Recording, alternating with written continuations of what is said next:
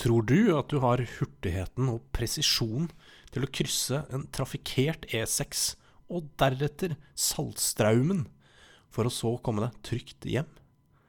Vi skal til Frogger Nei, uh, Hopper Nei, eh, Frogger Junior Nei, må uh, Du hører i hvert fall på CD-spill.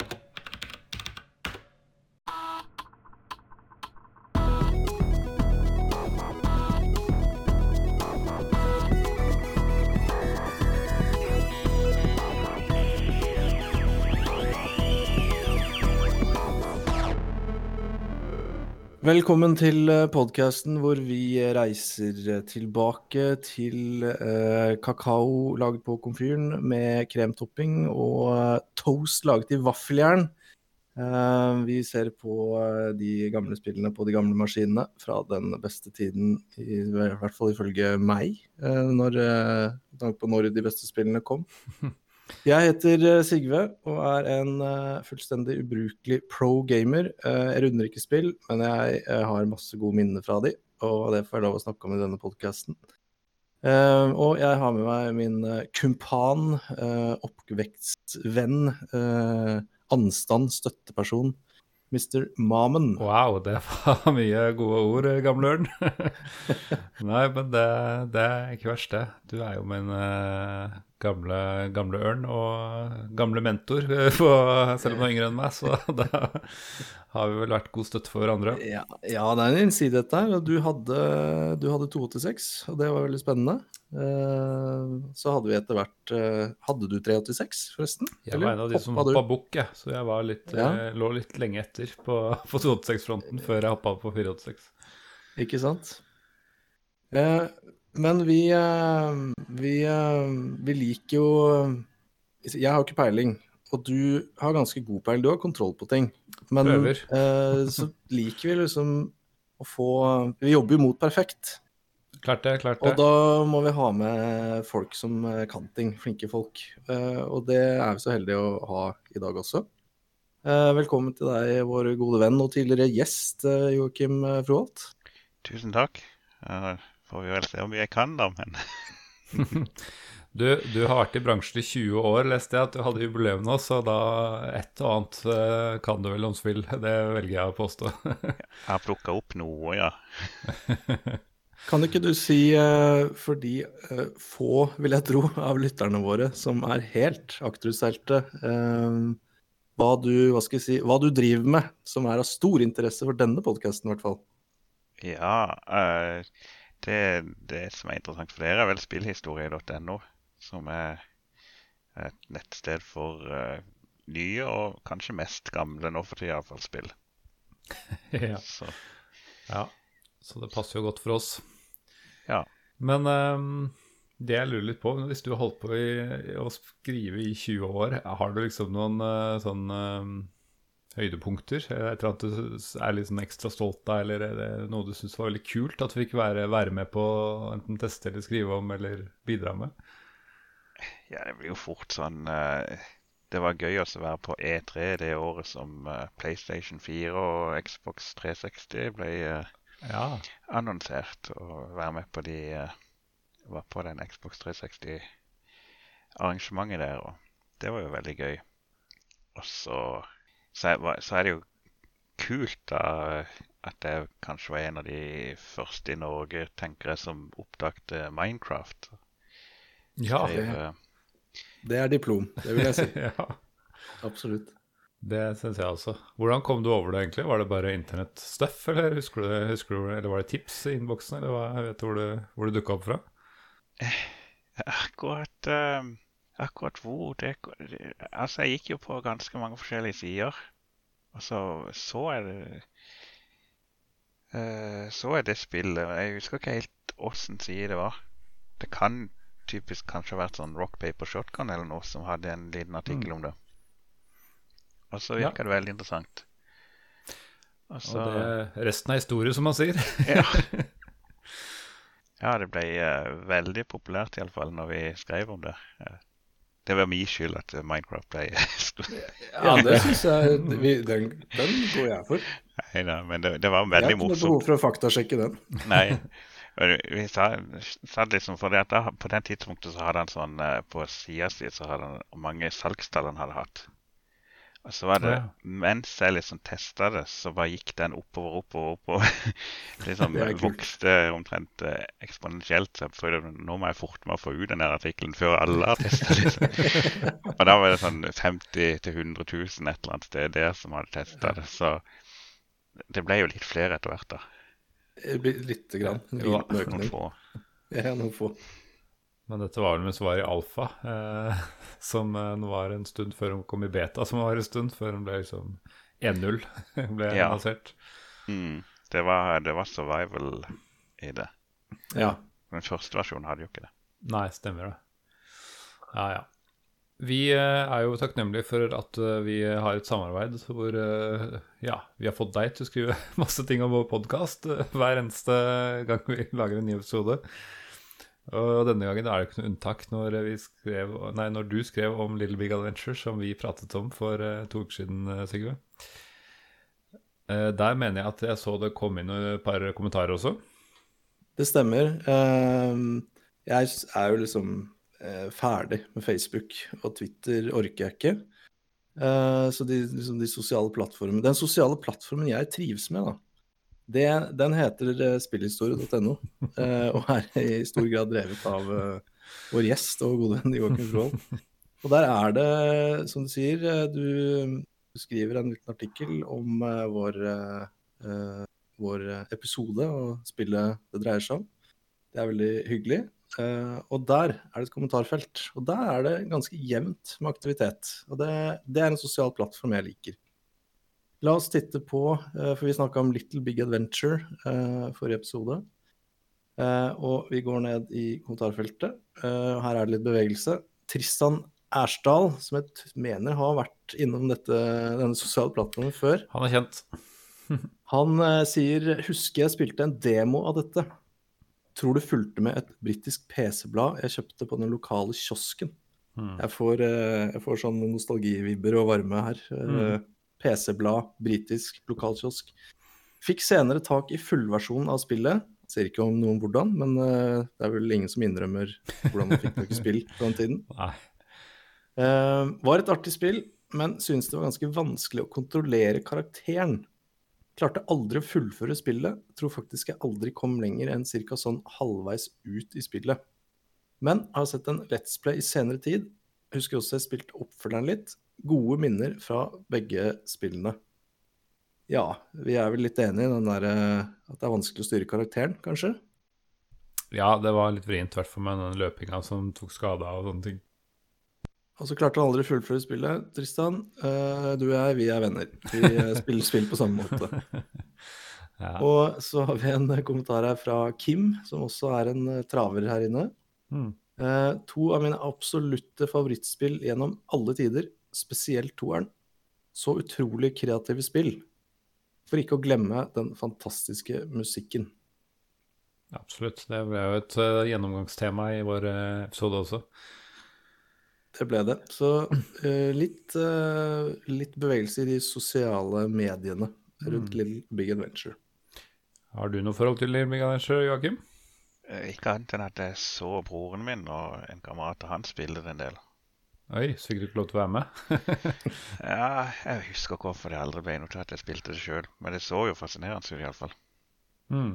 Det er jo sånn røftlig den samme erfaringen jeg har av uh, spillet. Jeg har noen minner at jeg så uh, Mr. Mammon spille det. Eh, hvorfor jeg ikke spilte det selv, det jeg vet ikke. Jeg gikk ut i hvert fall tydeligvis glipp av en helt sinnssyk sånn krigsscene. eh, landingsscene. Ja, Det, Den- det fant det- ut. det gjorde inntrykk når vi prata om det. Ja, ja. Jeg eh, har eh, blitt hvisket i øret at du har en liten innrømmelse å komme med i dag, jeg, Sigve. Jeg, jeg, må, jeg må komme med en innrømmelse. Jeg kler meg naken. Jeg eh, må Jeg vet ikke om beklage, men jeg har vært upresis. eh, til en forandring, så har jeg vært upresis. Nei, jeg, litt tilfeldig så har jeg gjort meg en liten oppdagelse eh, bare de siste dagene. Um, det hele begynte med at eh, Eller det hele egentlig stemmer fra at jeg eh, i episoden av Theme Park eh, veldig helt sånn ukritisk bare sa at Planet Coaster, det her i spillet som kom for noen år siden, var da en spirituell oppfølger til Theme Park. Mm. Som ikke er helt feil. Men så kommer den oppdagelsen jeg gjorde for noen dager siden, som uh, er jo helt krise. Fordi jeg har jo gått glipp av, fra, i min oppvekst, jeg har gått glipp av Rollercoaster Tycoon-serien. Mm. Jeg vet den eksisterer, men jeg har aldri liksom tenkt over den mer enn at jeg har sett noen bilder her og der. Så ble jeg nysgjerrig, og så titta jeg på det, og så ble jeg skikkelig Dette er jo dritfett. Eh, det er jo Chris Sawyer, og så lasta jeg ned, og så lasta jeg ned open source-versjonen, og så spilte jeg det litt. Så min innrømmelse er at uh, jeg har tatt feil. Uh, Plant Coaster er ikke en oppfølger eller spirituell oppfølger til Team Park. Det er jeg vil nesten si en oppfølger til Roadcoaster Tycoon. Mm. Og ikke bare det. Uh, Frontier var jo, hvis ikke jeg husker helt feil nå, de som var utviklere av Rollercoaster Tycoon. I hvert fall toeren, som jeg, som jeg ble forelsket i her da, bare for noen dager siden. Som da har dukket opp igjen. Akkurat. Med, ja. Det er bra vi får fakta på plass når vi har tatt feil.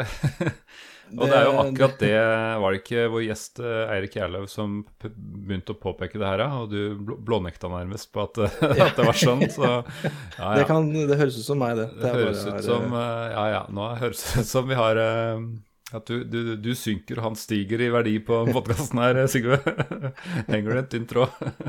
Rett og slett. Så jeg, jeg Ja, det er min innrømmelse. Og det blir jo en liten innrømmelse til her da, underveis i episoden, men uh, det er jo bare litt morsomt, for det er vel her er det flere som har bomma. men det kommer Ja. vi til. Man kan jo komme en liten sånn fun fact da, siden du sa Chris Sawyer. Få høre. Front, Frontier. Han eh, lagde PC-versjonen av Elite 2. Altså, Oi! Var det et av hans første prosjekter for PC, eller? Det, det vet jeg ikke, men eh, det, Kan ikke være så påståelig nå. Nei, men eh, jeg tror han lagde den sånn helt alene. Han lagde jo Rollercoaster Tycoon og Transport Tycoon jo helt alene. Mm. Så jeg, jeg lurer på om det var Amiga som det var hovedplattformen for det i utgangspunktet. Jeg er ikke helt sikker på det, men iallfall så var det han som gjorde PC-versjonen. Så han hadde koblinger med, med Frontier helt fra tidlig 90-tallet. All right. Skal vi feste settebeltene og transportere oss 40 år tilbake i tid? Det er eh, det eldste spillet vi har pratet om så langt, eh, som vi skal snakke om i dag. Det kom originalt i 1981, og det er altså Frogger.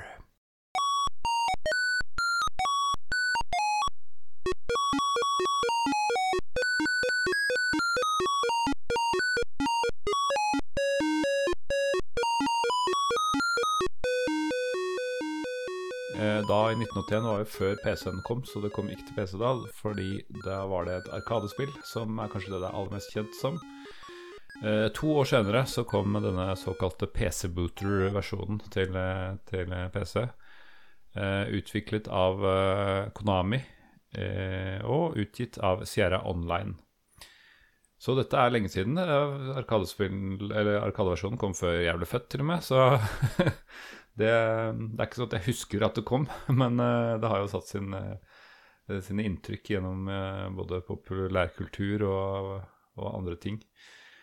Skal vi, skal vi dykke ned i hvorfor Sierra kalte seg Online i 1983, eh, og hva de mente med, eller er det en egen episode? Det har jeg veldig lyst til å ha noen teorier om. For det var, hva var online i 80, mellom 81 og 83? Det, Det det er, var vel internett eh, borti et laboratorie laboratorium i USA, var det ikke det? det er på linja. Det står bare on-line, så Ja, det er det er kanskje ikke det samme. Jeg vet ikke hva, hva det henviser til. Eh, Har du noen teorier, Joakim? Nei, jeg, jeg, mener at jeg har lest det et sted. Men Jeg eh, har sånn vagt minne om at jeg en eller annen gang har Ja. lest det, men eh, jeg tipper at det var ikke Det, det henviser ikke til internett, i hvert fall. nei, nei, jeg tror heller ikke det. Men eh, de Det var jo noe sånn eh, sånn tel... Nei, sånn heter det Store maskiner som de kobler seg opp mot. Men jeg vet ikke om Ja. Sierra lagde noe spill for sånt. Noe. Men det var i hvert fall sånn de ble eh, introdusert for spill, de der som starta Sierra. Ja. Så det kan jo kanskje være noe sånt de har tenkt på. Mm. De skulle være litt futuristiske. Jeg vet ikke. Ja, det var jo ingen som kunne faktamessig påstå noe annet på, på, i 1981, så, eller eh, når det ble stifta, så Ja. De gikk vel bort fra det online-navnet en eller annen gang, gjorde de ikke det? Til Sierra Entertainment eller et eller annet sånt noe? Nei, jeg husker ikke helt det. Jo, de gjorde jo det, men jeg husker Mm. ikke tid. Ja, for jeg, jeg driver og uh, speed-researcher her nå, og Yes. ehm, online Skal vi se Online Systems ble jo da grunnlagt i 1979 av uh, ekteparet Ken og Roberta Williams, som jeg har hørt om. eh, hvor han var en, en utvikler og hun var en skribent, eller om det var omvendt, jeg husker ikke helt. Uh, og så fant ut at la oss kombinere det. Mm. Uh, og i 83 så ble det da kalt Sierra Online. Og det var det jeg rakk å lese av all teksten her. Uh, så vi kan vel i hvert fall konkludere at det hadde ikke noe med internett å gjøre Nei, Nei. det har eh, i 1979. Men det kan jo ha vært sånn for han var programmerer, og da jobba han på Mm. stormaskiner hjemmefra. Og Det så tror jeg at han eh, at han var frilans eller et eller annet sånt. Mm. Så det, det er vel sikkert hans selskap, da. Så han hadde hjemmekontor, han, i 1979. Det er jo Fremtidsretta. Det er uh, rart å tenke på at uh, altså, PC eksisterte ikke da i 79 når dette ble stifta, så ja.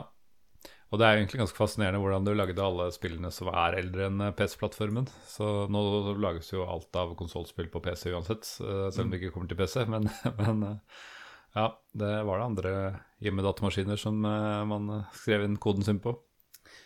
Jeg, må, jeg har et siste hva skal jeg si, spørsmål nærmest til våre lyttere, da, før vi går videre på ting vi faktisk vet her.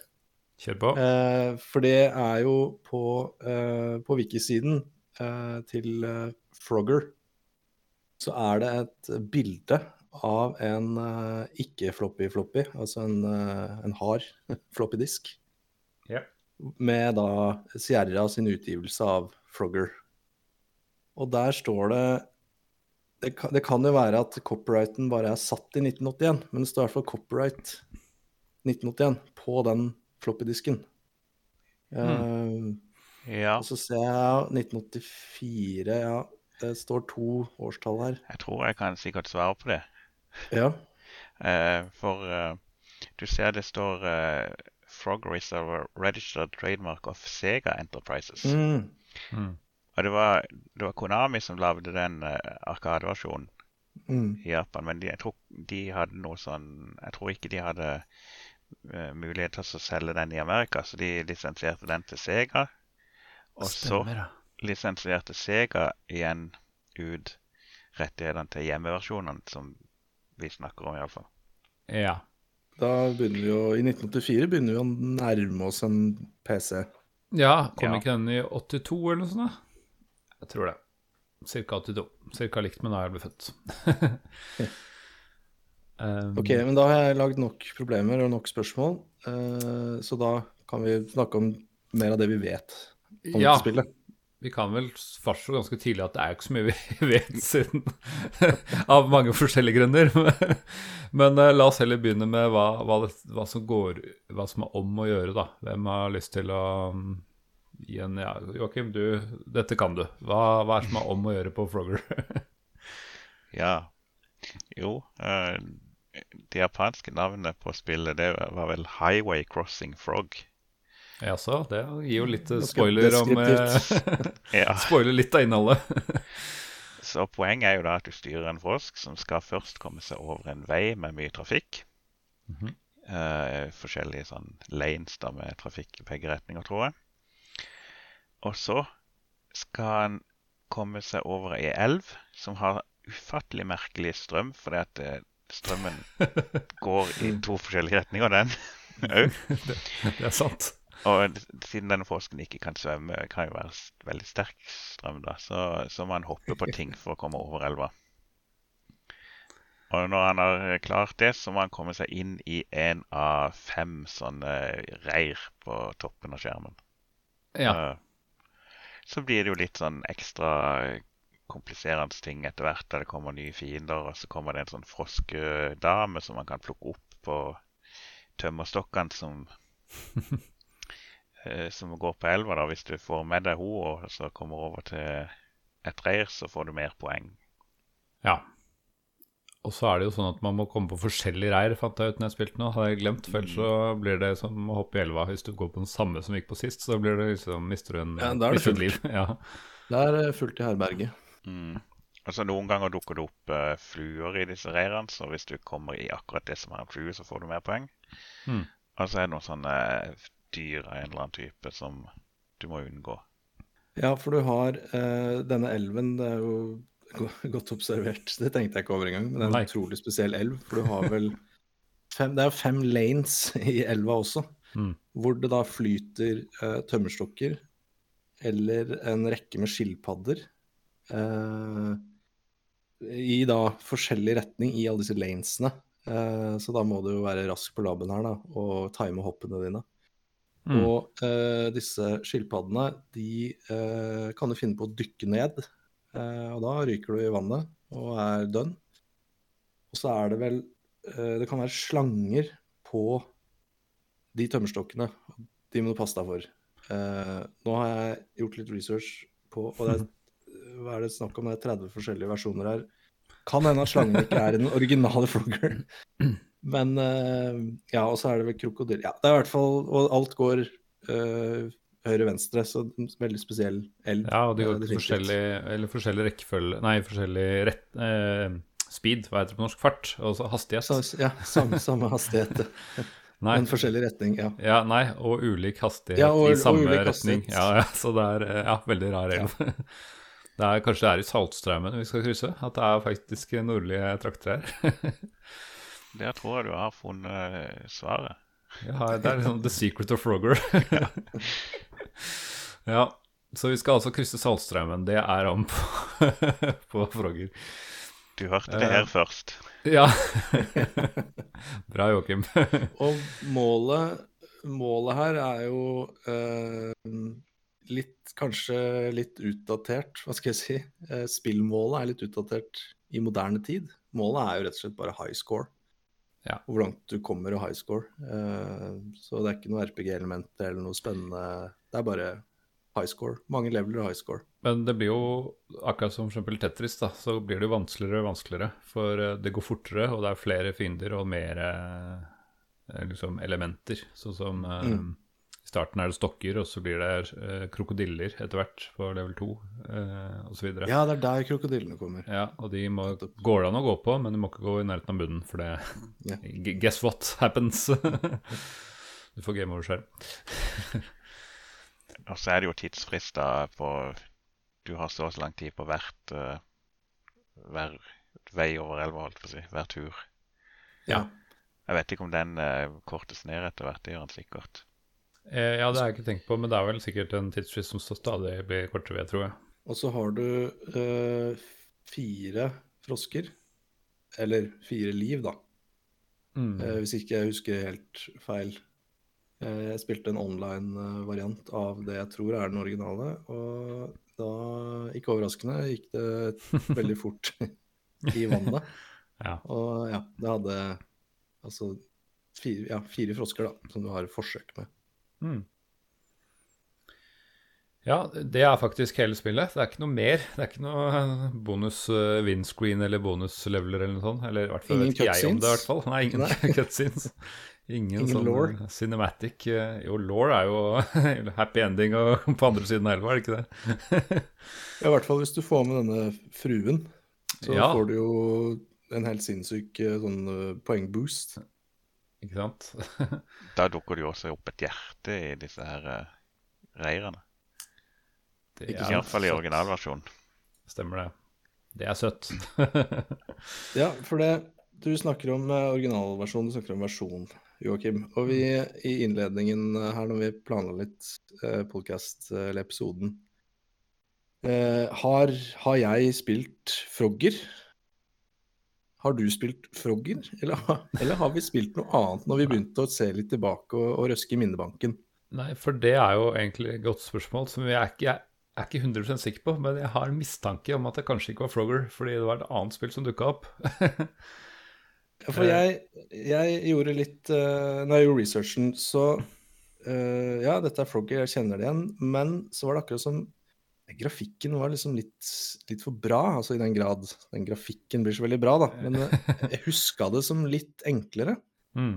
Og så tenkte jeg kanskje ja, nei, da var dette er kanskje VGA-versjonen, og så har jeg spilt CGA. Men så fant du vel ganske fort ut at det var bare CGA Uh, Frogger ble sluppet Ja, i. ja, i hvert fall sånn, ja.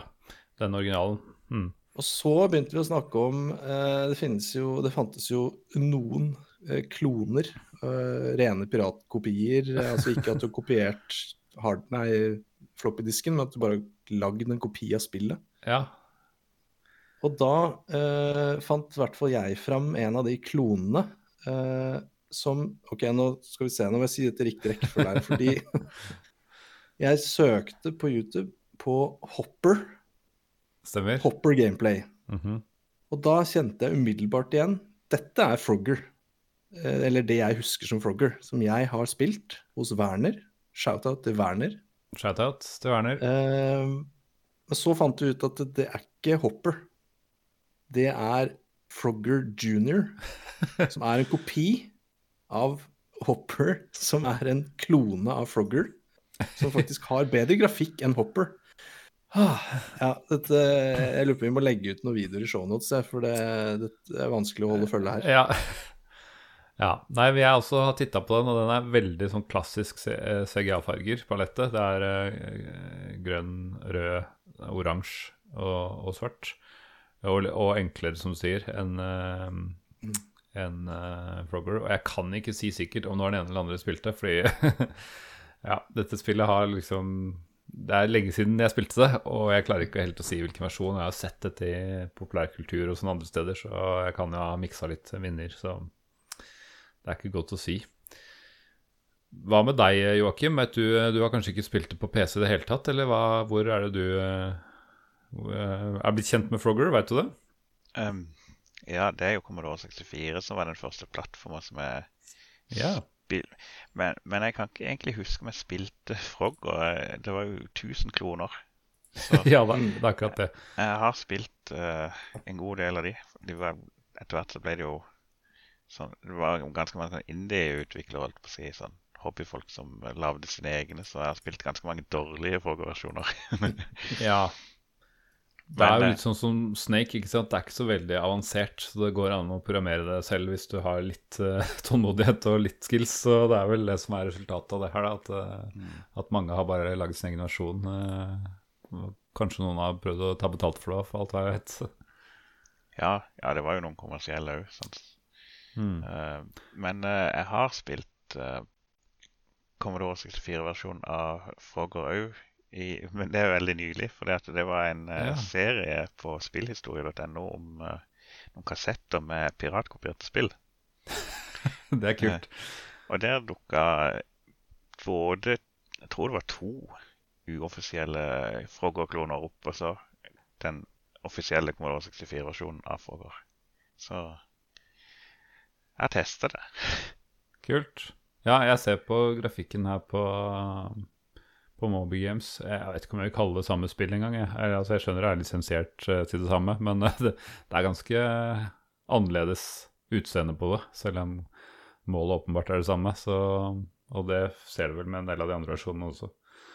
Ja, for, for spill, hva skal vi si, spillmekanikken Mm. tror jeg jo Jeg tror det er lik, fordi eh, min anekdotiske kjennskap til det er at den er lik, i hvert fall mellom skal vi se, Frogger junior og Frogger. Ja. Eh, det er jo eh, fem lanes med biler Mm. eh, som du skal hoppe forbi, og så er det fem lanes med, i Saltstraumen. Så er det disse reirene. Så eh, jeg vil jo tørre påstå at jeg har på en måte spilt Frogger, men jeg har Ja, ja. kanskje en litt annen visuell opplevelse av det, i hvert fall. Ja. Jeg eh, tror at vi kommer til å hvis vi, eh, Jo flere spill fra tidlig tidlig 80-tall vi tar for oss, så tror jeg vi kommer til i denne situasjonen mange ganger. Altså Tetris, for eksempel. Jeg vet ikke hvor mange versjoner det finnes av Tetris, men jeg tør vedde på at det er ganske mange både lisensierte og ulisensierte utgaver av det som har kommet gjennom tidene. Så mm, ja, sånn er det. Men eh, vi kjenner i hvert fall til gameplay, da, uansett hvilken versjon vi har eh, vært utsatt for. Men rett før vi starta her, så la var det du, Joakim, som la merke til at det er noe rart med den CGA-paletten på den PC Boost-versjonen. Mm. Eh, og det tenkte jeg ikke på, men eh, det, det er helt riktig. at Det, det virker som det er mer enn fire farger. Eh, som er rart, for CGA er jo fire farger. Mm. Eh, og jeg fant også ut at det er en knapp som jeg kan trykke på F6, så bytter den liksom palett. Og dette kan ikke jeg fryktelig mye om, men jeg tror er ikke, Du kan kanskje utfylle meg her, men er det ikke sånn at CGA det Kort fortalt så er det fire farger, men hvilke fire farger, det, er, det kan velges fra en, et større palett. Så sånn sett så kan man Så, så støtter CGA flere farger, bare ikke samtidig. Er det ikke sånn det henger sammen? Jo, jeg tror, eh, jeg tror faktisk alle de der eh, 16 EGA-farvene er på, i forskjellige moduser i CGA. Ja.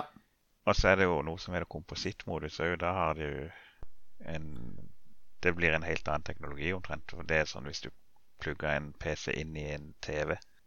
Ja. Så, og da, men eh, det, det er ikke det som skjer her, iallfall. Jeg aner ikke egentlig hva som skjer. Det, det kan jo være at uh, han bytter palett under tegninga av bildet. For det, det, tegnes jo linje, eller piksel for piksel og linje for linje. Og selv om det ser ut som det skjer umiddelbart, så eh, er det tid nok til at hvis de timer det riktig, så kan de faktisk switche palett under tegninga.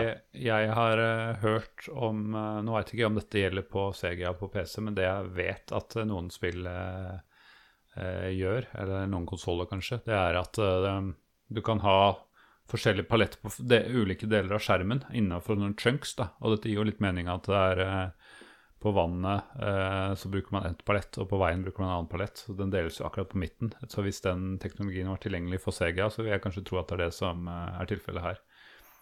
Ja, jeg, jeg tenker kanskje det er det mest sannsynlige.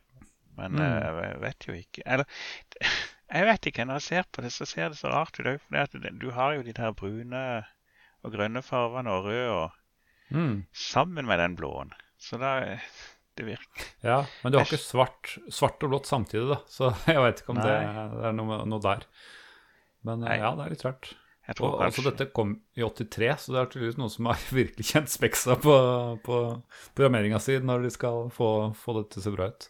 Ja, jeg tror her kanskje vi må bare be folk om å Ja, det fins sikkert folk som kan mer om dette enn eh, oss som hardware-ting. Um, jeg har egentlig nevnt det allerede, men PC-booter, vet, vet dere hva det er for noe? Er ikke det at uh, du, du booter egentlig hele maskinen og spillet fra floppy-disketten? Mm. Svart, var det riktig? Svart er riktig? Ja, du går ikke via DOS, du går liksom Ja. bare rett inn i spillet. Altså Litt som en cartridge på, på en Nintendo, da, eh, på en måte. Det var visst eh, Jeg tror ikke jeg har vært brukt Jeg tror ikke liksom jeg har um, hatt noen sånne disketter selv, men jeg vet at det var ganske vanlig i starten av 80-tallet. Ja, jeg, jeg tror mesteparten av spill i starten kom på den der Ja. ja altså iallfall kommersielle. Ja. Det var lettest å forholde seg til. Putte disketten, starte opp maskinen. Det, det skjønte folk. Så kunne Og, de ha eh, kopibeskyttelse òg på de. Ja, det er jo sant. Mm. Det er litt lettere. Jeg vet ikke om det Tenkte man på det i 83? Ja, jeg tror Sierra hadde iallfall Og det Ja. er jo Sierra dette her, da. Så de hadde iallfall kopibeskyttelse på Kings Quest 1. Den første Ja. PC-versjonen av den. Og det var en sånn fysisk eh, beskyttelse på disketten, liksom? Det var et eller annet, et eller annet med Mm. filsystemet som gjorde at de ikke bare kunne kopiere det. Ja. Det er jo også Jeg, jeg vet ikke. Jeg ser for meg at eh, minnet på den tida her var ganske lavt. Så det er ikke sikkert du liksom hadde nok minne til å, til å først laste inn DOS, og så laste inn et spill. Ja, for du må, ha, du må ha ganske mye. Du må ha hele 64 kilobyte. Ja, ikke sant? Det kan være alt, det. Kan være 100 Ja, det skal ikke se bort fra det. Hmm. Og når det er boota fra eh, floppy-disken, så kan du jo ikke locate memme eh, deg inn i DOS og er omorganisere. Så Mm. Da får vi satse på at det er ferdig organisert på denne booteren. vi får nesten håpe det. ja, Har du noen andre morsomme tech-specs eh, framme? Jeg har, eh, jeg har Specs her, og det er jo lenge siden Det er vel Jeg lurer på om dette er det eldste spillet vi har snakka om. Um, for Alley Cat uh, Cat eller Cats Cat, Mm. det, Var det 83, kanskje? Lurer på om det kom samme år til, P eh, til PC.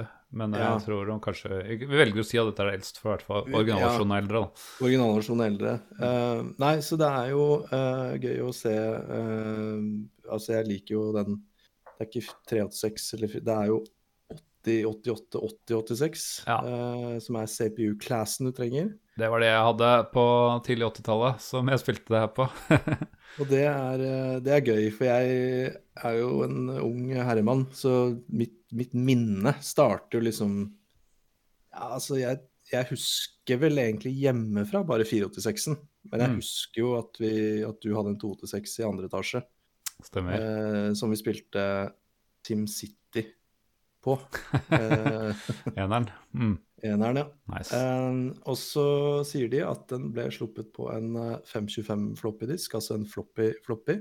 Mm. Til forskjell fra den som var uh, tatt bilde av på wiki-siden. Ja.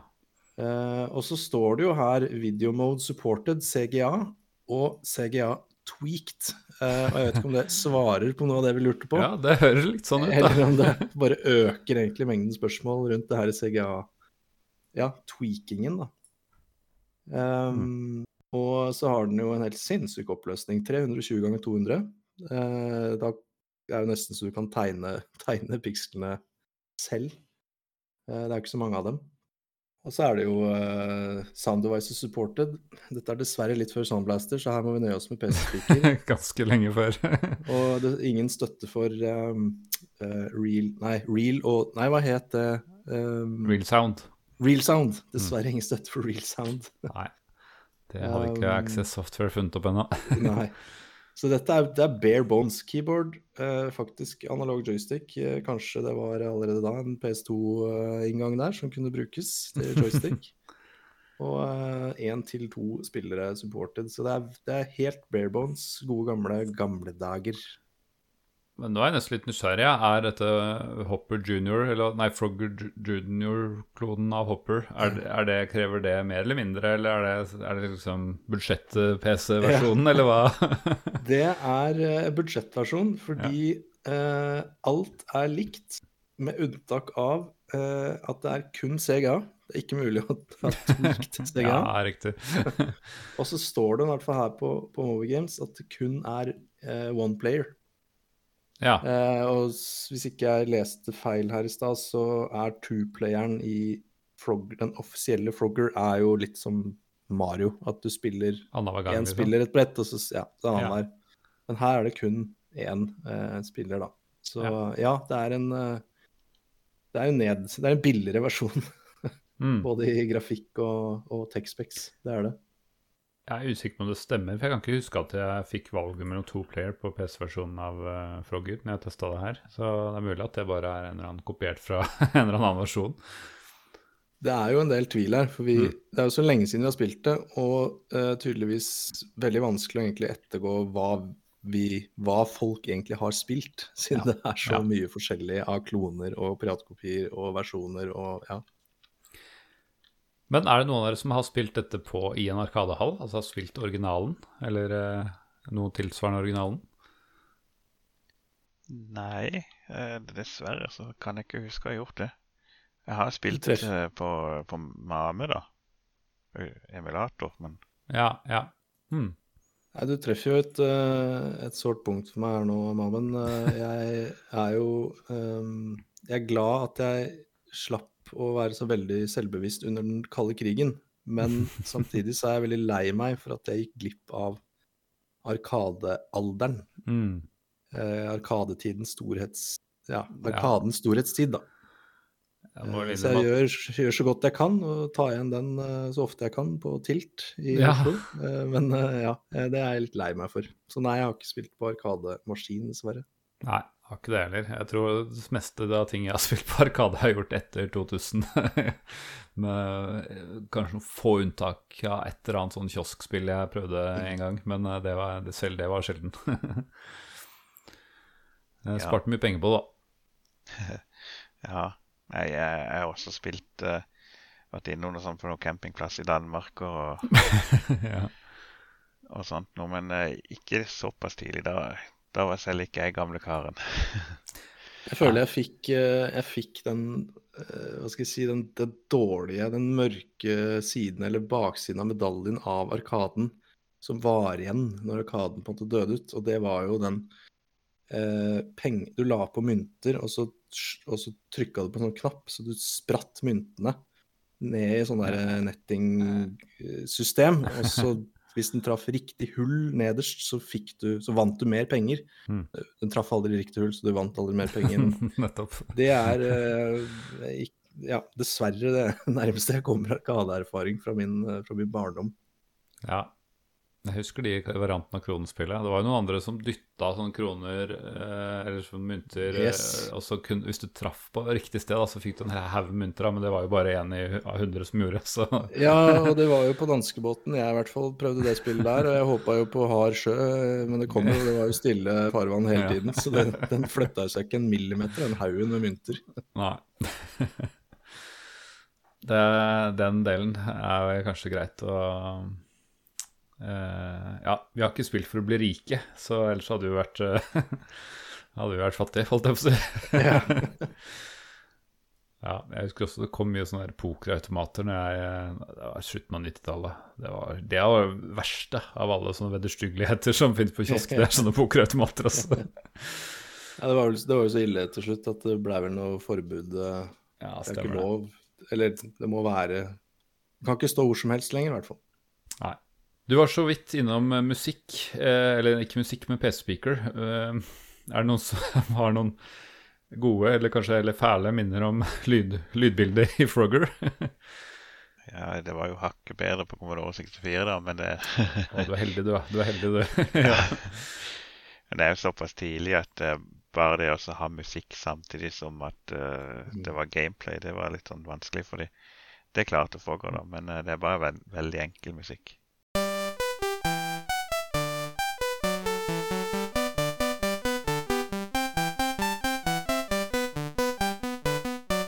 Ja, det er musikk som høres ut som musikk på, på Commodore 64-versjonen. Ja, det er noe sånn kombinasjon av noen kjente melodier, tror jeg. Ja. For eh, ok, nå spilte jeg det i går, men jeg kan ikke huske at eh, det er musikk. Eller jeg oppfatta ikke det som kom ut av PC-spikeren som musikk. jeg trodde det var lydeffekter, men jeg skal ikke si det sikkert. Jeg kan i hvert fall bekrefte at uh, i det jeg tror er uh, Frogger Junior, som jeg tror jeg spilte, Mm. så har de ikke tatt seg uh, luksusen til musikk. Så der er det PC-speaker blips når Ja. du beveger deg. Det er eneste. Det er begrensa med 64 kilobyte får til av musikk i tillegg til dette spillet. Jeg vet ikke. Men ja, tilbake til deg, Joakim. Har du spilt det på noe andre enn Commodore 64? Nei, det har jeg Altså, jeg har spilt ganske mange kloner på Ja. f.eks. Amiga og Jeg har Mm. sikkert vært borti noe sånn shareware-greier på PC òg på 90-tallet sånn. Mm.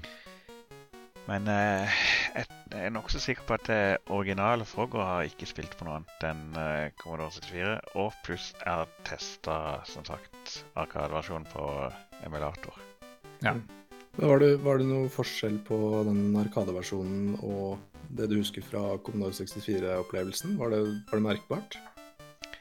Uh, ja, det er det jo. og jeg har for så vidt også testa PC-versjonen nå. Så eh, Ja. Men uh, sånn det mest åpenbare, det er jo hvis jeg ser på skjermbildene, så ser det jo Arkadeversjonen har jo eh, Skjermen er orientert på en annen måte. Mm. Han ligger på høykant i, i maskinen.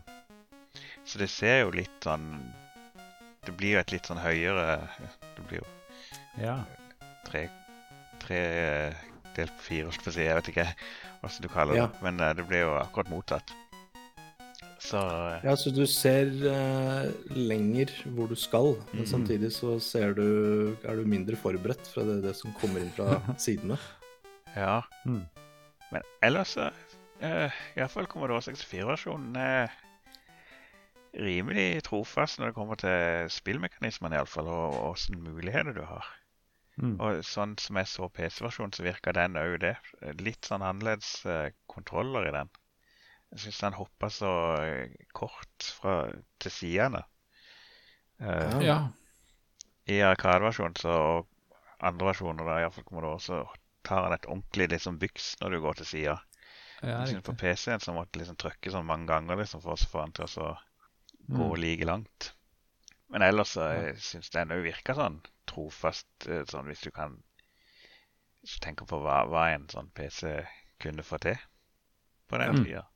Så Men du Sigve hadde også tatt en titt på ulike versjoner på, var vel på YouTube, hadde du ikke det? Ja, ehm, jeg kom over en eh, liten sånn samlevideo. eh, 'Evolution of eh, Frogger Video Games' Ja. på YouTube. Eh, og eh, da jeg telte eh, hva skal jeg si, versjoner eller ut Eller ikke versjoner, men jeg telte kall det oppfølgere, da, for å si det enkelt, på Ja. den wiki-siden. Så tror jeg der eh, så telte jeg etter det første spillet 33 utgivelser. ja. Um, og på denne samlevideoen, uh, som egentlig er litt ålreit, for der er det utgivelsestall og navn og, og sånne ting, så er det vel uh, 26 uh, utgivelser da fra Frogger i 1981, og til da eh, det som er eh, Frogger and the Rumbling Ruins, som eh, kom i 2022, faktisk. ja. Oi. Um, så jeg har jo undra meg litt over Jeg har undra meg, for det er jo åpenbart et marked for konseptet. siden det never stops coming. Mm. Jeg har undra meg over er den spillmekanikken, dette konseptet, er det egentlig liksom Var det ikke nok med Frogger i 1981? Eh, kanskje en Frogger 2 som kom i 84. Um, men um, ja. Så den eh, Rumbling Ruins da, som kom i 2022 Ja, jeg, jeg får litt sånn konsoll-vibbe av den. eh, Litt sånn eh, Jeg vet ikke. Det kan hende det er òg. Eh, det, er det, det er det nok, ja. Ja. Så det er i hvert fall det er mye å ta tak i da, hvis man ønsker å liksom dukke litt ned her og teste forskjellige ting. da. Det, Mm. og det er jo selvfølgelig noen mobile games inni her også.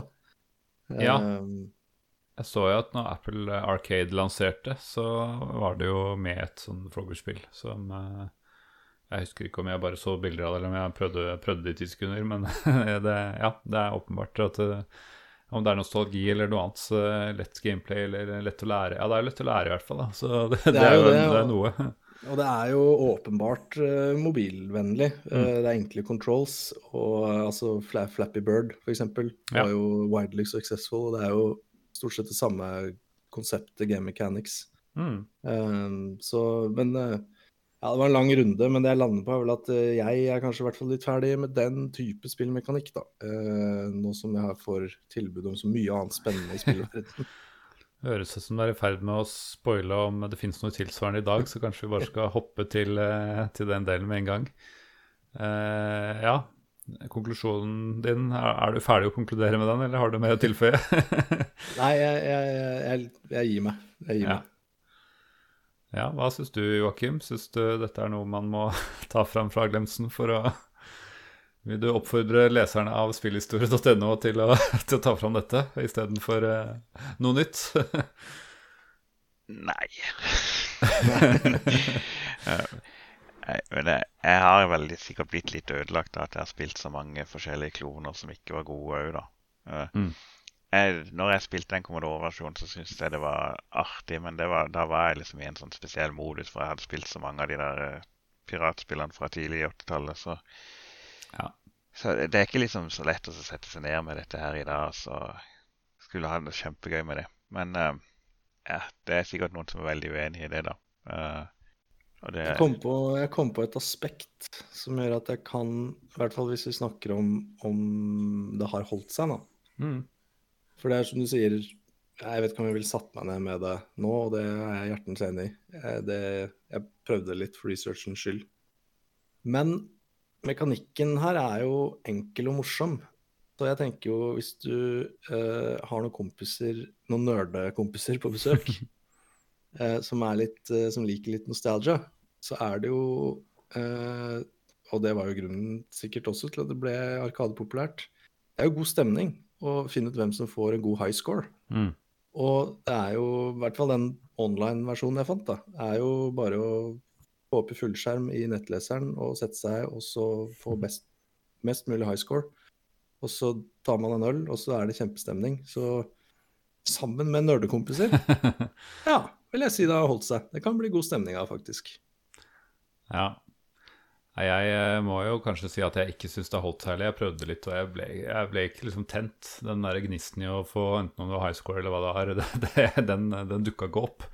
Men samtidig er det jo som du sier, at jeg skjønner litt at mekanikken på dette er såpass enkelt da, at du kan liksom sette en treåring foran en iPad og spille det her, eh, eller kanskje femåring, da, men altså, det er jo såpass enkelt at Og det er, det er jo liksom forståelig konsept. Så, så jeg kan skjønne at det har blitt fornya litt. eh, Og så tror jeg ikke at vi kanskje Jeg tror ikke voksne er i markedsgruppa for uh, Frogger remakes. Eh, selvfølgelig nostalgi har litt å si, men jeg ser kanskje for meg at det passer til et yngre publikum da, som eh, ikke trenger å lese masse tekst for å, for å komme videre.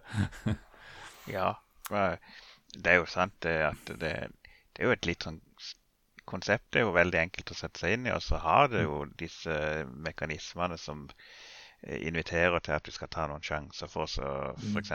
få med deg hun der froskedama som ikke alltid er like lett å få, og så må du jo må du jo eh, prøve å velge åssen rede du skal komme inn i. og så det, det er liksom Du må tenke litt når du spiller, og det går fort, og du må tenke raskt. Så det, det er jo eh, Hvis du først kommer inn i det, så, Mm. så er det ikke det, det, går an å spille det. Ja da, enig. Og, og det er sikkert uh, med altså jeg, Nå vet jo ikke hva de remakene gjør, men uh, det går sikkert an å utvide konseptet òg og finne ting Ja. som gjør det mer interessant. Ja, enig i det, altså. At det, det er et potensial til å få mer innhold i, i det samme spillet og fortsatt gjøre det enkelt. Eh, så ja. Um, har jo, jeg tror jeg nevnte den tidligere, men vi må jo også nevne kanskje den mest klassiske versjonen i populærkultur av det her. Og det er jo en av mine favorittserier fra 90-tallet, som heter Seinfeld. Eh, hvor eh, George Costanza oppdager på eh, lokale pizzasjappa at eh, de har Frogger-arkaden stående, og han har highscoren som han satt liksom i tenårene. Og Den er ikke blitt uh, sletta, den har ikke blitt veipa, og det er ingen som har slått den. Så han er jo kjempestolt, så, så han har lyst til å bevare denne, denne arkademaskinen, fordi de skal palme den ut, eller om hele stedet skal stenges. Og så ser du Jeg posta dette på Twitter eh, i forkant av episoden på, på siden vår, hvor du ser en sånn overfra top, top down view av hvordan han navigerer over veien eh, gjennom saktegående biler, da, i selvfølgelig en homasj til, eh, Yes. til Frogger. Så går det jo selvfølgelig ikke så veldig bra til, til slutt. Spoiler alert. uh, ja. Den, eh, den befesta dette minnet i mitt minne, i hvert fall, så ja. Det er vel kanskje en av de mest eh, eh, minneverdige uh, I hvert fall for min del, uh, representasjonene av Frogger i populærkultur. Ja, eh, det ble jo vanvittig populært. Det skal det jo sies. Mm, Absolutt.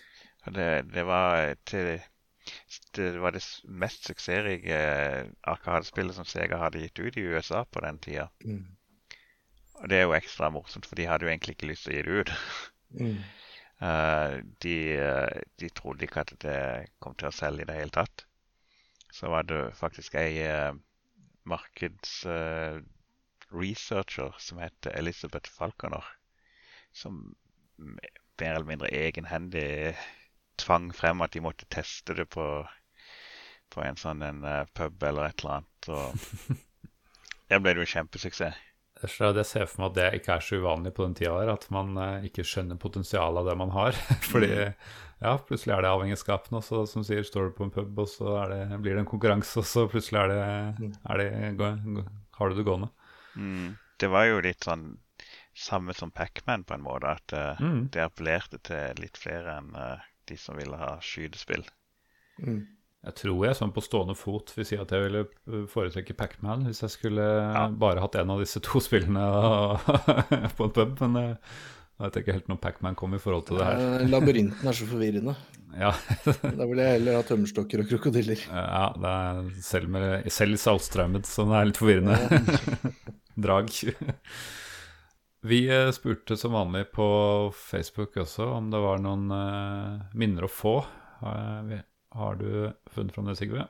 Skal vi se her. Vi har noen reaksjoner på Facebook eh, på vår post om eh, Frogger. David Aasen, eh, en god venn av meg og fellow nerd, han sier han spilte det på pappa sin 386, eh, tror jeg. I tillegg til Digger og Space Invaders. Ah, nice. Der var det mye, der var det mye nostalgi i en kort post. ja. Ja, det er deilig. Eh, og vi uh, melder jo bare kort der at da ble det overpowered med den prosessorkraften. Og det, ja, det må jeg virkelig si. 386. Det var jo litt i overkant, egentlig, for å dra det spillet her. Mm. Uh, og han svarer spørs det. Kan godt hende det var en bærbar maskin til 30 000. Tilsvarende en 086. Tror det, når jeg tenker meg om. ja, det hørtes mer sannsynlig ut. Det, det gjorde det absolutt. Så det er altså oldebarnet til Ivar Aasen som eh, fortsatt ikke har lært seg nynorsk. Det, Han, ikke, han snakker kav, eh, hva skal jeg si, eh, nullpunkt, østlending, eh, Oslo, ja. Eh, Ja, Vrir seg i grava, han Ivar nå. Så. ja men, men jeg tenker det går greit, siden han har så mye god nostalgia i så korte, korte og få posts. Men vi blir eh, frarøvet eh, din eh, Altså, det er alltid morsomt når du skal prøve å ikke snakke østlandsk eh, dialekt. Altså, det, det Ja, gjør jo det er. Får får litt trekk for det. Stor pluss for min nostalgi og litt minus for, for Ja, det. det er sant. Det er lenge siden jeg har prøvd å krenke noen eh, som kommer fra dialektområder nå. Ja. Eh, kanskje er på tide Ja, på tide. En ønskeliste. Ja, ja, på tide å risikere cancel, å bli cancelled igjen. Eh, Vi får se hva som dukker opp fra utafor Oslo framover. Ja. Vi nærmer oss slutten av podkasten. Har du et eh, godt tips til oss, Sigve, i høst, høstmørket?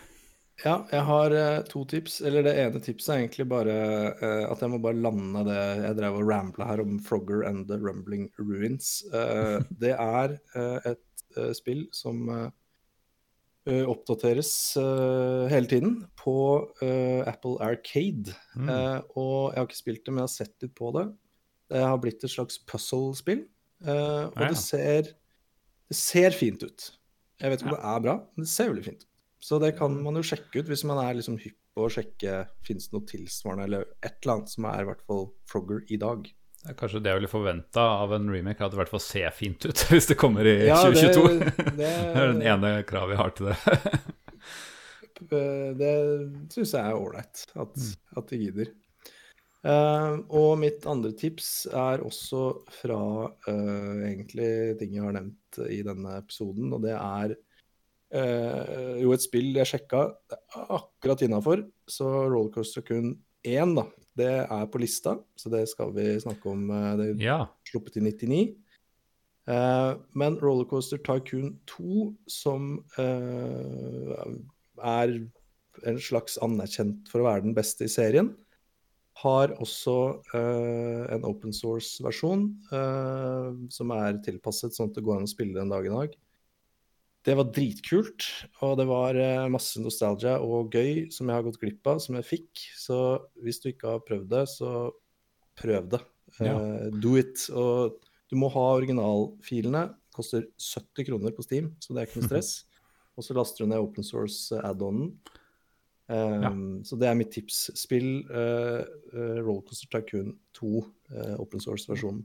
Det er veldig gøy. Tror jeg Lexicon blir glad av å høre det, for han vet jeg er stor fan av det. Og så Ja, skal vi avsløre vårt eh, neste spill? Det er um, eh, Ja, vi burde jo vært litt bedre på timing og tatt det til halloween, men så, så god er vi ikke til å planlegge. Men eh, det blir litt spooky spillet Seventh Guest, eh, som var en eh, litt nyere enn eh, Frogger. Litt bedre grafikk og, og det meste. Det blir om to uker, og så må vi bare si tusen takk for vår eh, spillhistorieguru eh, Fro Holt, som eh, har, har øst oss med sin kunnskap nok en gang. Ja, takk for at jeg fikk være med. Så bra. Håper ikke dette blir siste gang. Nei, All right. Ha det bra. ha det. Ha det bra.